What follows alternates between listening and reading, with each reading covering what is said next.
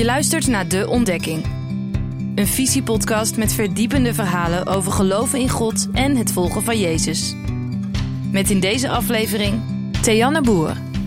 God ziet het, nu wij nog. Hoe weet jij dat ik lag te lezen? vroeg mijn zoontje stom verbaasd toen ik richting zijn kamer riep dat hij zijn boek weg moest doen. Moeders hebben speciale ogen, antwoordde ik. Ze kunnen door de muur kijken, wist je dat niet? Ik ken een moeder die jarenlang succesvol gebruik heeft gemaakt van deze superogen. Maar bij mijn zoontje werkte deze truc slechts eenmalig. De vader ziet in het verborgene. Hoeveel kinderen zijn er vroeger niet grootgebracht met het dreigement: Pas op hoor, God ziet alles. Zo konden ouders hun gebrek aan gezag en aandacht compenseren met Gods alomtegenwoordigheid. De snoeppot in de keuken, de appeltjes in buurmans boomgaard, bij afwezigheid van vader of moeder werden die door God bewaakt. Menig kind kreeg daardoor een beeld van een strenge, controlerende God, die zijn dagen vulde met het turven van de fouten en gebreken van zijn kinderen. Gelukkig is dit in de opvoeding van onze kinderen niet meer aan de orde. Althans, in de meeste kerkelijke kringen niet, denk ik. Nu zingen wij voor onze kinderen: God kent jou vanaf het begin, helemaal van buiten en van binnenin. Hij kent al je vreugde en al je verdriet want hij ziet de dingen die een ander niet ziet. Ook al ziet niemand wat je doet of wie je bent, God ziet het wel. En ook al ziet niemand wat een ander jou aandoet, God ziet het en zal recht doen.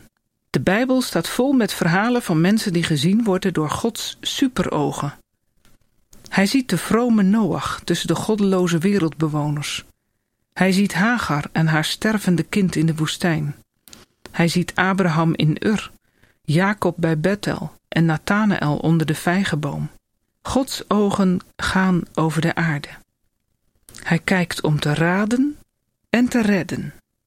Wie regelmatig televisie kijkt, de krant leest en misschien ook bezig is met social media, heeft het vast opgemerkt.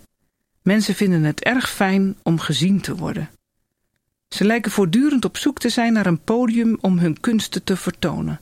Ze vertellen hun hele hebben en houden op tv laten via internet zien hoe gezellig hun feestjes zijn, hoe leuk hun kinderen en hoe fantastisch hun vakanties. Ik heb er ook een tijdje aan meegedaan, tot ik merkte dat ik door de dag heen in Facebook-berichten begon te denken. Dit moeten ze zien, foto maken.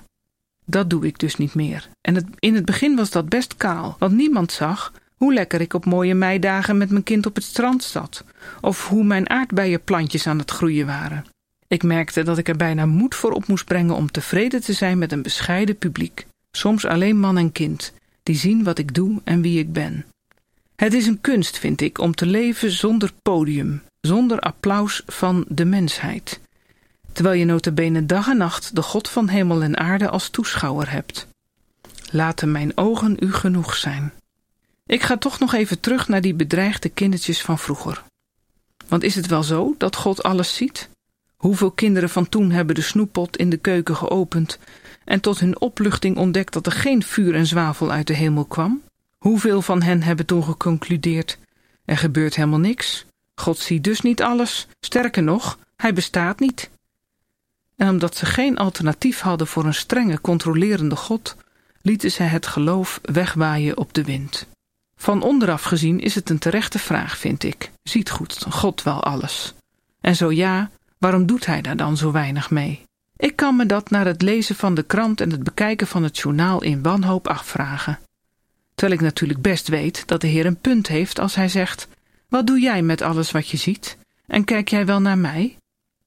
Ik las een tijdje terug een indrukwekkend interview met een Syrische arts. Hij werkte zonder aanzien des persoons en dus ook voor de vijand, waardoor hij werd opgepakt en gemarteld. Toen hij opgehangen werd aan ijzerdraden, dacht hij: die Jezus van de christenen, die heeft ook zo gehangen. Zou hij mij zien en horen? Die nacht kwam Jezus bij de arts op bezoek.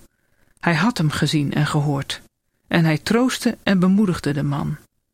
Eenzelfde verhaal las ik over christelijke kinderen in Bagdad die tijdens een busrit terechtkwamen in een aanval van IS. Toen ze ongedeerd thuiskwamen vroeg de dominee, waren jullie niet bang? Nee, zeiden de kinderen, want Jezus zat in de bus. Hij is er dus wel, met zijn superogen. Hij kijkt en hij redt. We moeten het alleen zien.